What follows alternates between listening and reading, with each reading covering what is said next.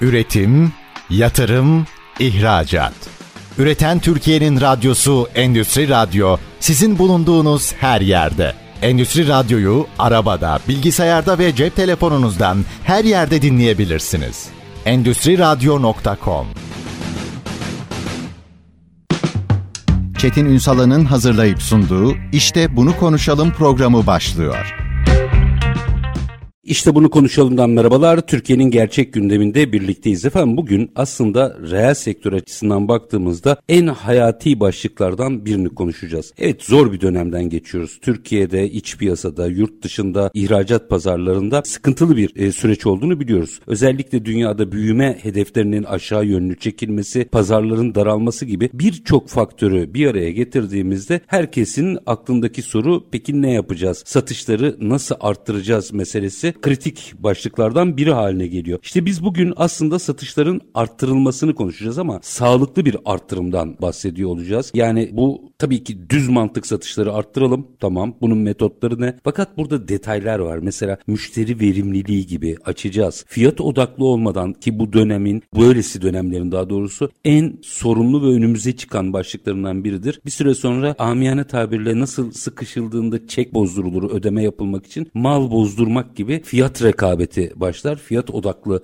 olmadan satış sürecinin yönetimini konuşacağız. Mevcut müşterilere bakacağız. Onlarla daha çok ciro elde edebilmenin yolları nelerdir? Birçok meseleyi konuşacağız. Selsap kurucu ortağı Murat Keleştimur. Bugün işte bunu konuşalımın konu. Sayın Keleştimur iyi akşamlar. Yayınımıza hoş geldiniz efendim. Merhabalar. Sizin sesinizi tekrar duymak çok güzel. Var olunuz aynı şekilde. Sağ olunuz efendim. Sizin de öyle. Hatta vereceğiniz bilgiler, değerlendirmeler şu anda herkesin bir anlamda hayati olduğunu düşündüğü düşündüğüm başlıklar. Eminim benim sesimi duymaktan çok daha mutlu olacaklardır sizin sesinizi duymaktan. Üstadım şimdi detaylara gireceğim ama baktığımızda aslında bir kere şuradan başlayalım. Gerçekten satışları arttırmak böylesi dönemlerde mümkün müdür? Biraz buradan başlayalım sohbete. Evet elbette ki mümkün. Şöyle ki kendinizi bir şirket olarak düşünün. Siz şeyden Marmara Denizi'nden bir kova su çekiyorsunuz. Arzunuz bir kovayı iki kova ya da üç kova haline getirmek değil mi? Hı hı. Marmara Gölü bayağı bir Marmara Denizi bayağı bir su çekti. Tamam da hala çok su var orada.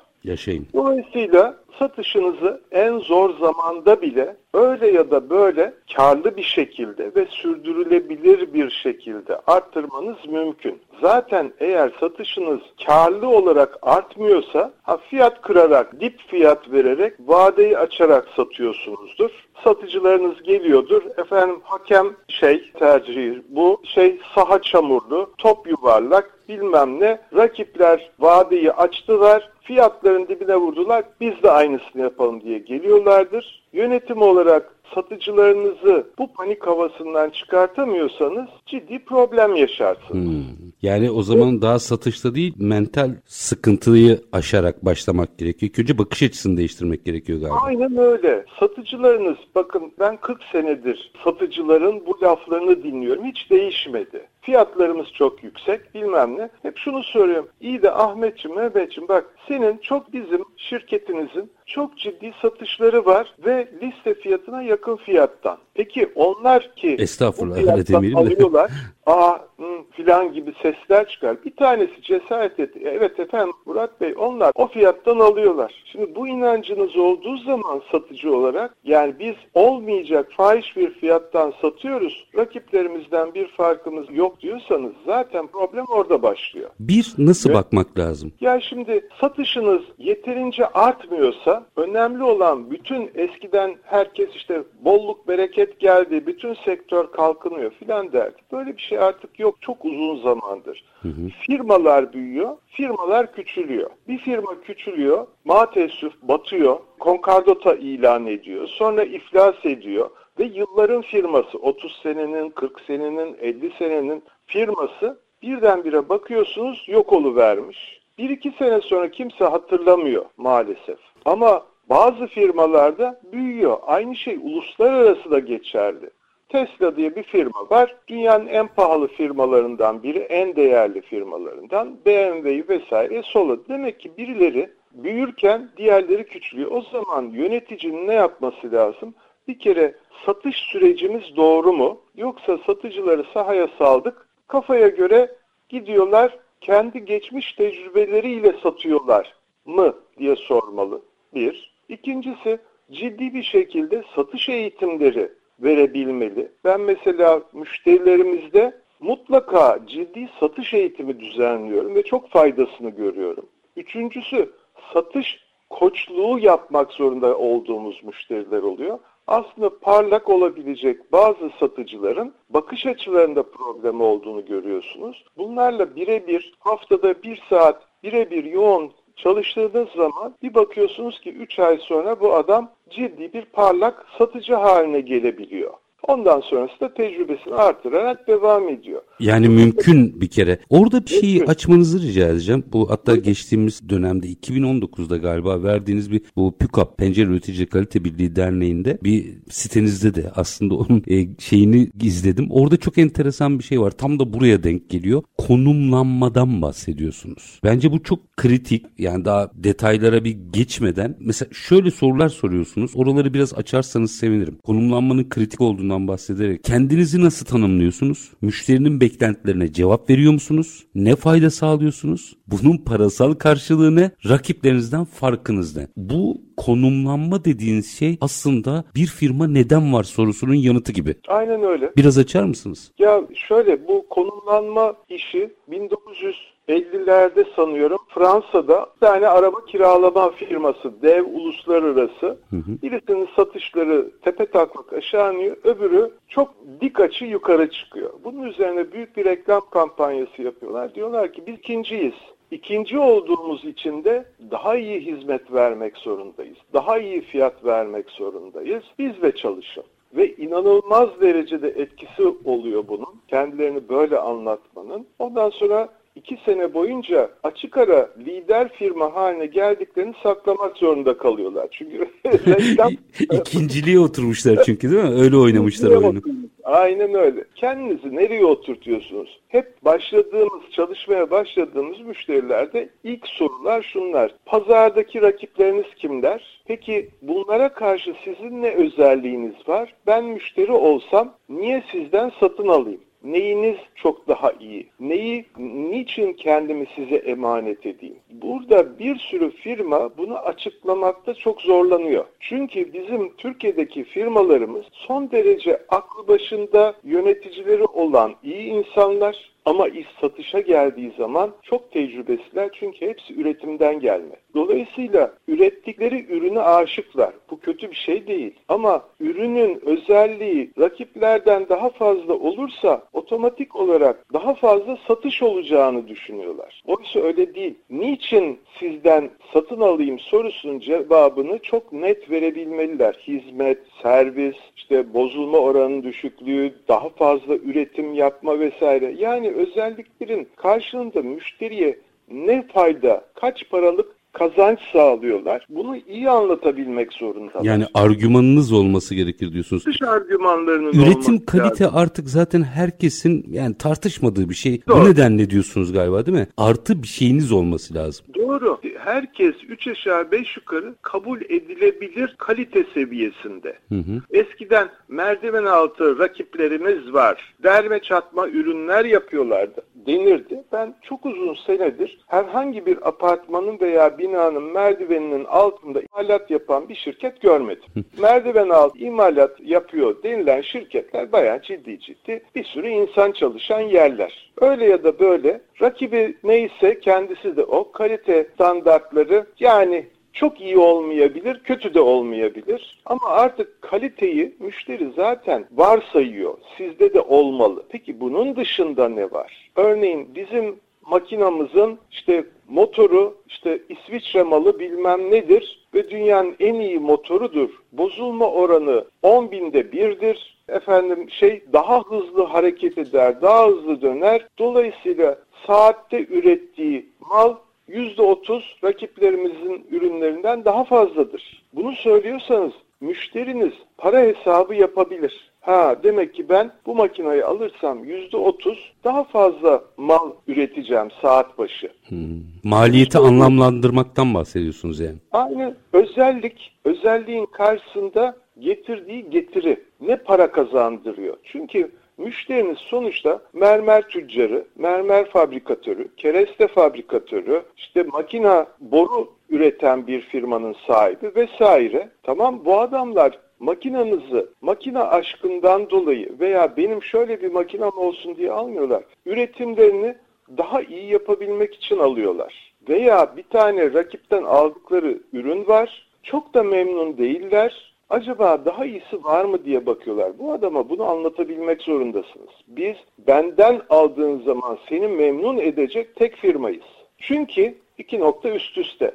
Bunu sayabilmek o kadar çok zaman alıyor ki neredeyse 15-20 gün sadece bununla uğraştığımız müşteriler oluyor. Çünkü müşterimizin yöneticileri sonra da satıcıları sadece özellik anlatıyorlar. Hmm. Bu çok özellik önemli bir tespit anlatır. üstad. Çok önemli bir tespitte bulunuyorsunuz. Yani üretim odaklı olduğumuz için sattıktan sonraki özellikleri çok fazla konuşmuyoruz. Üretimimiz iyiyi anlatmaya çalışıyoruz. Doğru evet. anladım değil mi? Evet aynen öyle. Bizim üretimimiz çok güzel. Peki benim cebime giren ne? Aa sizin cebinize bir şey mi girmesi gerekiyordu? Bunu çok fazla düşünmüş olmuyor bizim yöneticimiz veya satıcımız. Halbuki bunu olduğu gibi ürünümüzün özelliği şu. Bu özelliğinde size kazandıracağı şey bu. Yerimizden %30, %20, %40 daha iyi sonuç alıyorsunuz. O zaman şöyle yapalım mı üstadım? Ee, sözlerinizden anladığım kadarıyla satış sonrası özel çalışılması gerekiyor ve bazı şirketlerde 15-20 günümüzü alıyor dediğinize göre bunları tespit etmek çok fazla da kafa yorulmamış üstünde anladığım kadarıyla. Şimdi biraz Aynen. orayı mercek altına almak isterim ama minik bir araya gidelim. Aranın ardından orayı konuşalım, açalım tamam. uzun uzun. Efendim Salisap kurucu ortağı Murat Keleştimur bizlerle birlikte satışları arttırmanın metotlarını konuşuyoruz. Çok önemli bir tespit. Bir daha altını çizmek isterim. Firmalarımız ağırlıklı olarak üretici olduğu için iyi üretim yapıyorlar, üretimlerini anlatıyorlar ama satış için bunlar tek başına yetmiyor. Daha başka argümanlar koymanız lazım dediği noktada da satış sonrası hizmet meselesine geliyoruz. Orayı açacağız. Ne zaman? Minik bir ara. Aranın ardından işte bunu konuşalım. Üretim, yatırım, ihracat.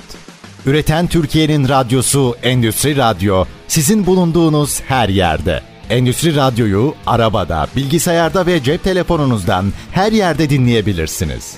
Endüstri Radyo.com Kısa bir aranın ardından işte bunu konuşalım demeye devam ediyoruz efendim. Zor dönemlerde satışları arttırmanın metotlarını konuşuyoruz. Salisap kurucu ortağı Murat Keleştimur bizlerle birlikte. Sayın Keleştimur araya gitmeden önce döndü dolaştı iş Dediniz ki ürününüz çok kaliteli olabilir. İyi bir fiyat da vermiş olabilirsiniz ama yetmez. Artı bir şey sunmak zorundasınız. Orada da adreslendirme anladığım kadarıyla satış sonrasına gitti. Sizin Aa, yine... Bir dakika. Önce, önce şeyden başlayalım. Son derece haklısınız. Çok önemli, ciddi bir argüman bu. Ama bir kere satışınızı yaparken satıcılarınızı bir metodoloji çerçevesinde yönetmek zorundasınız. Müthiş açın lütfen. Şimdi 1980'lerden itibaren dünyada artık böyle satıcıları ortaya saldım. Gitsinler, koşsunlar, daha çok yeri ziyaret etsinler, satsınlar diye bir şey kalmadı. Hı hı. Çünkü bu geçmiş tecrübelerinden kalkarak hadi bakalım satın diye yollamak. Oysa dünya şunu öğrendi ki böyle satılmıyor. Bizde şu anda ortaya çıkan çok ciddi rekabet 1980'lerde dünyada çıktı. Ve bunun üzerine korkunç fiyat savaş başladı Avrupa'da ve Amerika'da. Hı hı. Bunu nasıl ortadan kaldırırız? Bütün fikir buydu. Nasıl fiyat rekabetine girmeden kar marjımızı koruyarak daha fazla müşteri kazanırız? Bunu yapabilmek için satış metodolojileri yani müşteriyle tanıştığınızda ne yapmalısınız, derdini ne zaman dinlemelisiniz, ne zaman çözüm önermelisiniz, çözümünüzü nasıl göstermelisiniz filan bütün şeyi bir tiyatro sahnesi gibi kurgulayan, satıcılara bunu oynamayı gösteren satış metodolojileri çıktı. Niye bu önemli? Çünkü bir tane satıcının çok başarılı geliştirdiği bir hareketi bütün satıcılarınıza yaymak istiyorsunuz. Drama yönteminden bahsediyorsunuz doğru mu anladım? Benzer. Hı hı. Yani benzetmek gibi tam drama yöntemi değil ama satış metodolojisi bir satış pratiğinin iyi bir satıcının çok başarılı bir satış pratiğinin ne yaptığını alıyor, masaya yatırıyor ve bütün satıcıların üstüne uyabilecek şekilde toparlıyor. Burada satıcıyla, müşteriyle tanışıldığı zaman nasıl kendimizi tanıtacağız, ne konuşacağız, ürünümüzü nasıl anlatacağız, ondan sonra müşterinin ihtiyacını nasıl dinleyeceğiz, ne soracağız? Buraya varana kadar bir son derece detaylı bir çalışma bu. Hı hı. Üzerinize bunu yaparsanız, çalışırsanız çok ciddi satış artışı elde ediyorsunuz. Yüzde otuz, yüzde kırk, yüzde elli satış kimi zaman yüzde altmış, yetmiş satış artışı elde ediyorsunuz. Biraz oradaki metodolojiyi minik açabilir misiniz? Herkese Tabii. ilham versin. Ya mesela complex selling denilen dünyada çok iyi bilinen, Türkiye'de hemen hemen hiç doğru dürüst bilinmeyen metodoloji var. Müşteri de bir firmadan B2B denilen firmadan firmaya satış ve teknik bir satış yapıyorsunuz. Hı hı. Örneğin kompresör satıyorsunuz vesaire. Burada fiyat çok küçükse yani görece olarak küçükse önemli değil. Patronu anlatıyorsunuz bitiyor. Ama daha büyük fiyatlarda şirketin ciddi düşünmesi gereken boyutlarda bir fiyatı olduğu zaman e, o zaman sadece patrona ulaşamıyorsunuz. Çoğu satıcı burada yanlış yere gider. Satın almaya gider. Halbuki satın alma dünyanın hiçbir yerinde satın almaz.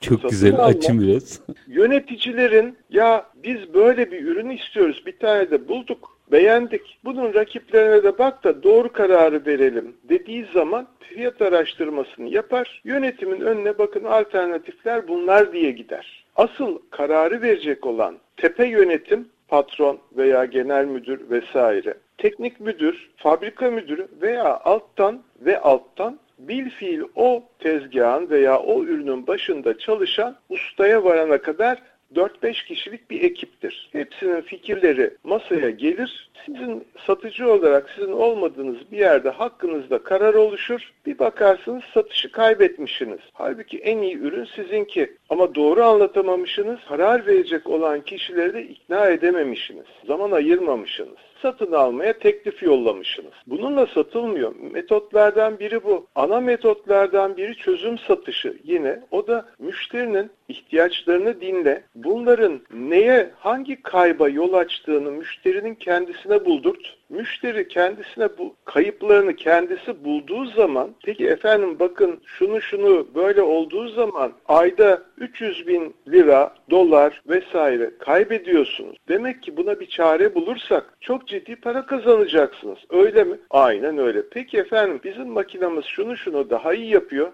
Bu durumda siz bu makinayı rakiplerimizin makinasını değil de bu makinayı aldığınız zaman demek ki ayda bu kadar dehşet bir kayıp engelleme veya kazanç elde edeceksiniz. Müşteri bunu kendisi bulduğu zaman arkasında duruyor. Bunun işte teknikleri var. Nasıl uygulanacağına dair iyi sonuç alması için sorgulama nasıl yapılmalı, müşteriye karar nasıl kendisi tarafından verdirtilmeli vesaire gibi böyle birkaç tane şeyi var püf var. Veya takım satışı. Müşteriye gidiyorsunuz, ikna edemediniz. Patronunuzu veya satış müdürünüzü alıyorsunuz. Beraber ziyarete gidip orada işi bitiriyorsunuz. Bunun adı takım satışı. Satıcılar maalesef her şeyi kendileri çözmek istiyorlar. Çünkü patron işin içine girerse primleri kesilir diye düşünüyorlar. Bu da satış kaybettiriyor. Bu kadar basit nedenlerle satışları kaybediyoruz. Yani aslında bir strateji ve ekip çalışmasından bahsediyor olmamız lazım. Evet, aynen. Sizin ifadenizde biz hadi gidin satın diyoruz. Orada da işler karışıyor. Aynen öyle. Orada son derece verimsiz bir şey çıkıyor. Bütün dünyada bunlar çok uzun zamandan beri yanlış olduğu ispatlanmış, istatistiklerle ispatlanmış kötü satış pratikleri.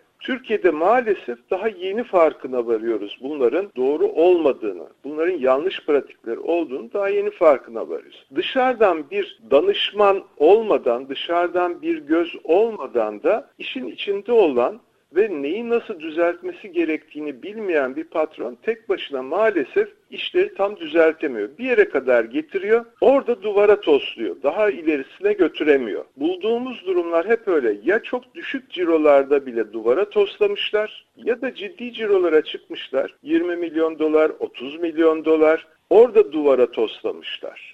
Yani Daha aslında bir performans gelmiyor. yapıyorlar bir yerde metodu değiştirmedikleri için tıkanıyorlar. Doğru mu anladın? Aynen öyle. Yöntemi değiştirmedikleri için, metotları değiştirmedikleri için o metodun onları götüreceği yer o. Hani arabanın motoru gibi bilmem ne motor dediğiniz zaman en fazla şu kadar performans, bu kadar benzin tüketimine karşılık bu kadar performans elde eder. Daha düşük benzin yakmasını ama buna karşılık daha hızlı gitmesini, daha sessiz çalışmasını istiyorsanız motorun kendisini değiştirmeniz gerekiyor. Mantık Anlatabiliyor bu. musunuz hocam bunu? e, Valla anlattım. Ya çok mu direkt sordum?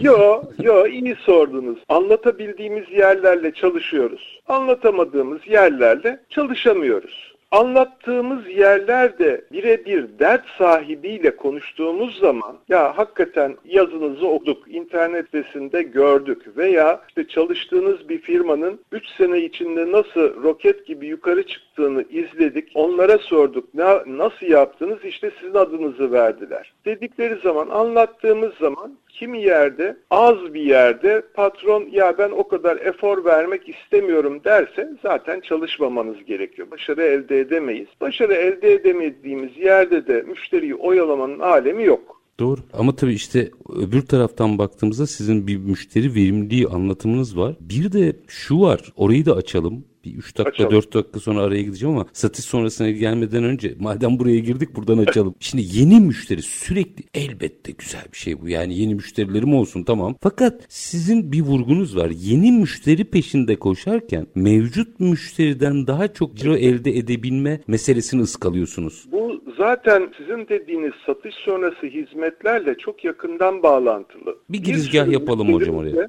bir sürü müşterimiz de ilk sorduğumuz soruların arasında paramız nereden geliyor diye biz check-up yapıyoruz. Hı hı. 6 tane değişik alanda soru formları yolluyoruz. Onları sonra müşterimizle beraber cevaplarını beraber hazmediyoruz ve bir yol haritasına bağlıyoruz. Bakın siz böyle ilerlemelisiniz diye. Burada sorulardan bir kısmı da ciromuz nereden geliyor? Yeni müşteriden mi geliyor? Var olan müşterinin ikinci alımlarından mı geliyor? Hı hı.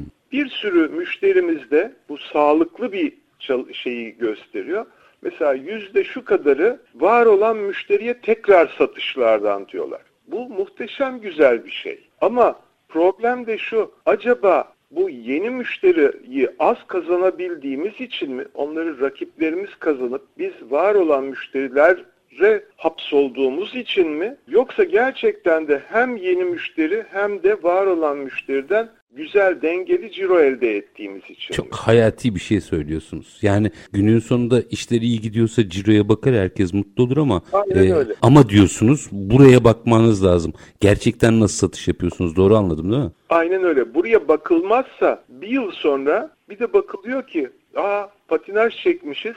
Sektör hızlı bir şekilde büyürken biz küçük bir büyüme hızı göstermişiz. Geri kalmışız. Rakiplerimiz öne çıkmış. Pazarda biz kendi elimizde rakiplerimize sermaye birikimi sağlamışız. Kendimiz doğru dürüst satış yeni müşteriye yapamamışız. Bir tür çok... kolaycılığa mı kaçmışız aslında? Kolaycılık mı dersiniz bilmiyorum. Bir miktar öyle. Bir miktarda yönetememek. Aslında kolaycı yani ben bunları çok iyi biliyorum ama kolaycılığa kaçmak istiyorum diyen bir patron görmedim. Tabii tabii. Ya bir yani, gayri ihtiyar yapılır o zaten. Yani kimse bunu özellikle yapmaz. O zaman nereye e, bakması gerektiğini bilmiyor yönetim. Heh, şimdi araya gideceğim. Aranın ardından nereye bakması gerekir diye soracaktım. Tamam. Siz çok güzel e, pas ettiniz. Minik bir araya gidelim. Peki nereye tamam. bakmak gerekiyor? Selsap kurucu ortağı Murat Keleştimur'a soracağım. Aranın ardından işte bunu konuşalım diyeceğiz. Lütfen bizden ayrılmayın. Üretim Yatırım, ihracat. Üreten Türkiye'nin radyosu Endüstri Radyo sizin bulunduğunuz her yerde. Endüstri Radyo'yu arabada, bilgisayarda ve cep telefonunuzdan her yerde dinleyebilirsiniz. Endüstri Radyo.com Kısa bir aranın ardından işte bunu konuşalım demeye devam ediyoruz. Konuğumuz Sales Up kurucu ortağı Murat Keleştimur. Sayın Keleştimur araya giderken aslında mevcut müşterilere yaklaşımdan bahsediyorduk. Belki oradaki ciro artırımlarından bahsediyorduk, satış artırımlarından bahsediyorduk. Siz bir ifade kullandınız. Nereye bakacağınız önemli. Yani o müşteri portföyünüzdeki hareketler içerisinde. Hemen bunu sorayım. Nereye bakmaları gerekiyor? Şöyle birincisi bakabilmek için bir raporlama sisteminin ölçme sistemin olması lazım. Meşhur bir laftır. Ölçemediğiniz şeyi yönetemezsiniz. Hı hı.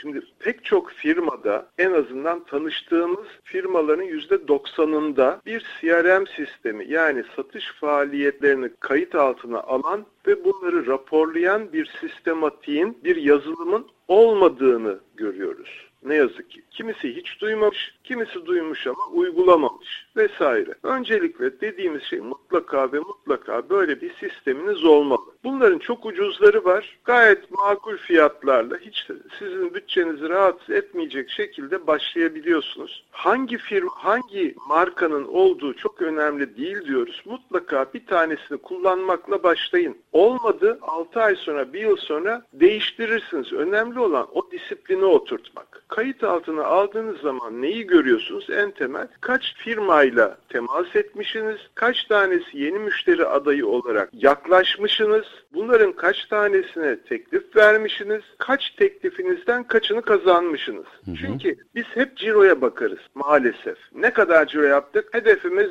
bu yıl bilmem ne. Bunu kazandığımız, kazanmamız çok önemli değil aslında temelde. Mesela bir satıcı için hedef koydunuz. Bu ay 10 bin dolar satış yapmalısın Ahmetçim dediniz. Güzel. Ahmet 10 bin dolarlık satış yaptı. Bravo sana dediniz. Mehmet de 10 bin dolarlık satış yaptı. Hangisi daha iyi? Bunu ayırt edebilmenizin tek yolu var. Ahmet kaç tane müşteri adayından yüzde kaçında başarılı olmuş? Mehmet ise kaç müşteri adayının yüzde kaçında e, başarılı olmuş? Bunu ölçmüş olmanız lazım. Bunu ölçmelisiniz. Çünkü hani bir arabanın benzin yakması gibi 100 kilometreyi 10 litreyle mi gidiyorsunuz? Yoksa 20 litre 30 litre egzosunuzdan bembeyaz egzoz gazları püskürterek mi gidiyorsunuz? İkisinin arasında fark var. Dediğim o. Ha bazı motorlar yepyeni teknoloji firmalar diyor ki biz 5 litreyle 100 kilometre gideriz. Ne güzel. Bu daha verimli bir motor. Onun yani... gibi. Birincisi buna bakmanız lazım Hı-hı. temelde. İkincisi bunları müşteri olarak aldığınız çok güzel. Ondan sonra satış sonrası bu müşterilerinizle ziyaret ilişkiniz var mı? Tekrar görüşüyor musunuz? Bunların şikayetlerini ne kadar sürede el koyuyorsunuz? Ne kadar sürede çözüyorsunuz? Yüzde kaç bozulma oranınız var? Hocam o ziyaretler var. Ee, çok özür dilerim. Yeni bir şey lazım mı ya da liste yazalım mı diye. Kimse aldığından memnun musun diye sormuyor. E ama öyle olmazsa ikinci bir satışı niye sizden tekrar gelsin alsın?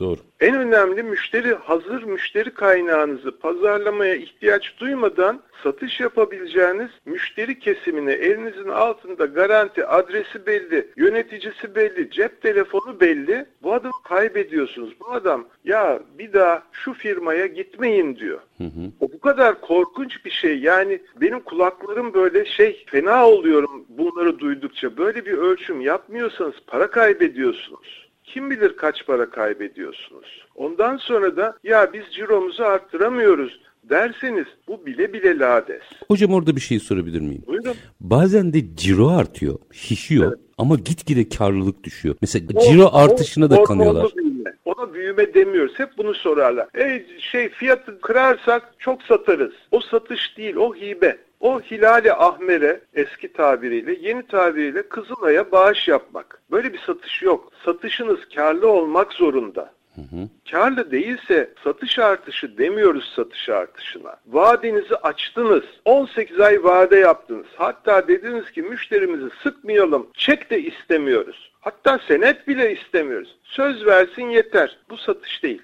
Karınızı düşürdünüz, düşürdünüz. E sonra şirketinizi nasıl ayakta tutacaksınız? Şirketinizi nasıl büyüteceksiniz? Sermayeniz birikmeli ki yeni yatırım yapabilirsiniz. Parlak yeni elemanlar alabilirsiniz. Argenizi kurabilmelisiniz, arge müdürü alabilmelisiniz vesaire. Ama bunlar yoksa ne yapacaksınız? İhracat yapacaksınız. İhracat ekibinizi nasıl kuracaksınız? Hepsi bunların para isteyen, yurt içinde parlak satıcıları nasıl alacaksınız? Dolayısıyla eğer satışınız karlı değilse, artıyorsa orada çok ciddi bir yanlışlık var Nereye giderseniz gidin ama bir danışmana gidin. Burada bir problem var. Ben muayene olmak istiyorum. Bana lütfen bir check-up yap. Bir göğsümü dinle. Hırıltı var mı? Ben ne olmuşum? Nerede hata yapıyorum? Bir dışarıdan bir göze sorun demelisiniz. Müthiş. Bu arada bir noktayı daha açmak isterim. Buyurun. Bayiler. Şimdi 90'lı yıllarda hepimiz yakından hatırlarız. Yani bizler gazeteci olarak takip ettiğimiz için hatırlarız. Birçok firmada ve birçok sektörde bayi sayısı aynı zamanda güç gösterisiydi. Hatta onlar bir süre sonra yarıştırılırlardı. yani şöyle diyeyim tabii ki bayilerin kendi kendi arasında böyle hoş bir rekabet ve performans tamam onda bir sıkıntı yok. Ama iş yarışa döndüğünde çılgın şeylere şahit olduğum bilirim gazeteci olarak. Yani sırf ciro tutturmak ve tabii cironun sonunda da bir ödül oluyordu genelde. Ciro tutturmak için çılgınca satışlar yapıldığını sonra da büyük zararlar yazıldığını biliyorum. Bugün itibariyle baktığımızda bu değişen satış ve satışçı metodolojisi içerisinde bayi ilişkisini nasıl konumlandırmak gerekiyor? Şöyle söyleyeyim. O bayi, çılgın bayi yarışın içinde mecburen kalmış bir yönetici olarak Ha yaşadım diyorsunuz. Yaşadım. Harika. Şunu ya birçok müşterimde de yaşadım. Kendi firmamda da yaşadım bu kötü yarışmayı. Çok Maalesef. güzel yere soru sormuşum o zaman buyurun. Hemen şunu söyleyeyim. En pis numaralardan biridir. Satışınızı şişik göstermek için şu kadar ciro yaptım diyebilmek için hırslı bayilerinize bilmem ne kadar stok al sana indirim yapayım dersiniz. Malı yığarsınız. Sonra gider rakibi adama dersiniz ki bak Ahmet bu kadar mal çekti. Sen de çek. Sana da indirim yapayım. Sonra böyle iki senelik filan stoğu sahaya yığarsınız. Ama erime yoktur. Ondan sonra o bayiler o malları satabilmek için fiyat kırmaya başlarlar. Ve spot oluşur. Ve spot oluşur. Malınızın değeri düşer, marka değeriniz düşer. Ama siz geçen sene cironuzu arttırmışsınızdır. Satış müdürünüz aferin almıştır. Yönetim aferin almıştır kendine göre vesaire başarılıyız demiştir. Aslında firmanın kuyusunu kazmaya başlamışsınızdır. Bu şey gibi hani böyle gemide gidiyorsunuz geminin ambarına inmişsiniz böyle kazmayla yeri kazıyorsunuz. Birisi de geliyor diyor ki ya niye kazıyorsun? Birazdan su fışkıracak oradan. Su lazım. diyor adam. Oradan petrol çıkacak sen bilmiyorsun. diyor ve kazmaya devam ediyor. Bilin bakalım oradan ne çıkacak. Oradan biraz sonra tuzlu su fışkıracak ve gemi su alıp batacak. Onun için bayi yönetimde en önemli kavram eritme kavramı. Bayiye bir malı verdiniz. Bayi o malı eritebiliyor mu? Stoğunu ne kadar sürede satabiliyor? Eritebilmesi için ne lazım? Pazarlama yapmanız lazım. Güzel, yapın. Ama bayinin de satmayı bilmesi lazım. Sizin şirketiniz çok güzel satmayı doğrudan satış ekibi eğitim alıyor. Ama bayileriniz eğitim almıyorsa bayilerimize malı yığdık çok başarılıyız. Oh ne güzel çok da kar ettik diyorsanız o kar bir sene sonra fitil fitil geri ödenecek demek. Hocam orada bir şey bari... anlamazdım ben. Hazır sizi bulmuşken bilmiyorum hala tavır değişti mi? Yani şüpheliyim ama. Mesela o yarış içerisinde benim aklıma yatmayan bir şey var. Çünkü Ciro'ya oynardı ya herkes. Ya şimdi İstanbul'daki bir bayiyle atıyorum Iğdır ya da Van'daki bir bayi nasıl yarıştırabilirsiniz? Nüfus belli. Yani hepsini attım bir kenara satın alma gücünü falan. Nüfus belli. Orada hep bana haksızlık gibi gelmiştir bilmiyorum. E, haksızlık. Ama Hepsinin yarışıyorlar. Satma potansiyeli var. Iğdır'daki bayiyi, bayi İstanbul en hareketli bölgesindeki bayiyle aynı miktarlarda karşılaştırma yapıp bak hangisi başarılı? Aha bu dediğiniz zaman bir kere yanlış iş yapıyorsunuz. Tümüyle yanlış. En basite kaçıyorsunuz. Hadi yarıştıralım. Hadi yarışın çocuklar filan diyorsunuz. Böyle o yani bununla doğru bir iş çıkmıyor maalesef. Orada da dediğiniz bir 5 dakika var bunu mutlaka açmam lazım. Buyurun. Müşteri verimliliği dediğiniz mesele tam da burada devreye girmiyor mu? Tam da burada devreye giriyor. Dünyada artık e, account planning diye bir şey var. Müşteri müşteri bu adam ne ciro yapabilir diye planlıyorsunuz. Hmm. Müşteriyi planlama denilen account planning. Dolayısıyla diyorsunuz ki Iğdır'daki bayi senelik olarak şu kadar satabilir. Satarsa Çevre. başarılıdır. Çok başarılıdır. Aferin derim. Yaşayın. İstanbul'daki veya Ankara'daki veya şuradaki bayi ise bu kadar satabilir. Bunu sattırmalıyım. Biz herkese aynı işte Muhammed Ali ile başka birini aynı ringde dövüştürmek gibi bir şey bu. skala tutmuyor. Ama bunlar hep yapıldı ve yaşandı. Hala devam ediyor mu onu merak ediyorum. Valla herhalde devam ediyor ama hani böyle bir yarış olan yerde bunu çok hızlı değiştirdiğimiz için oralar devam etmiyor artık. Ama ciddi sayıda firmada bunlar ne yazık ki devam ediyor sanıyorum. Çünkü en basit satışı, en basit yönetme bu şekilde oluyor. Yani üretimden gelen bir yöneticinin satışa bakışı bu oluyor. Hadi yarıştıralım. Hadi herkese malı yığalım vesaire. Ama daha karmaşık bir yönetim mekanizmasını satışta kuramıyorlar. Ne yazık. Bunu kurmak ancak dışarıdan bir danışmanla benim gördüğüm mümkün oluyor. Yani bunu hani internette yazıyordur, ediyordur ama şöyle düşünün. Kilolusunuz, kilo vermek istiyorsunuz. Nasıl kilo vereceğinizle ilgili dünya kadar yöntem var. İşte bilmem ne metodu var, şu metot var, yok bu metot var. Hepsinde de temel bir takım yöntemler var. Bunların hiçbirisi gizli ve saklı değil.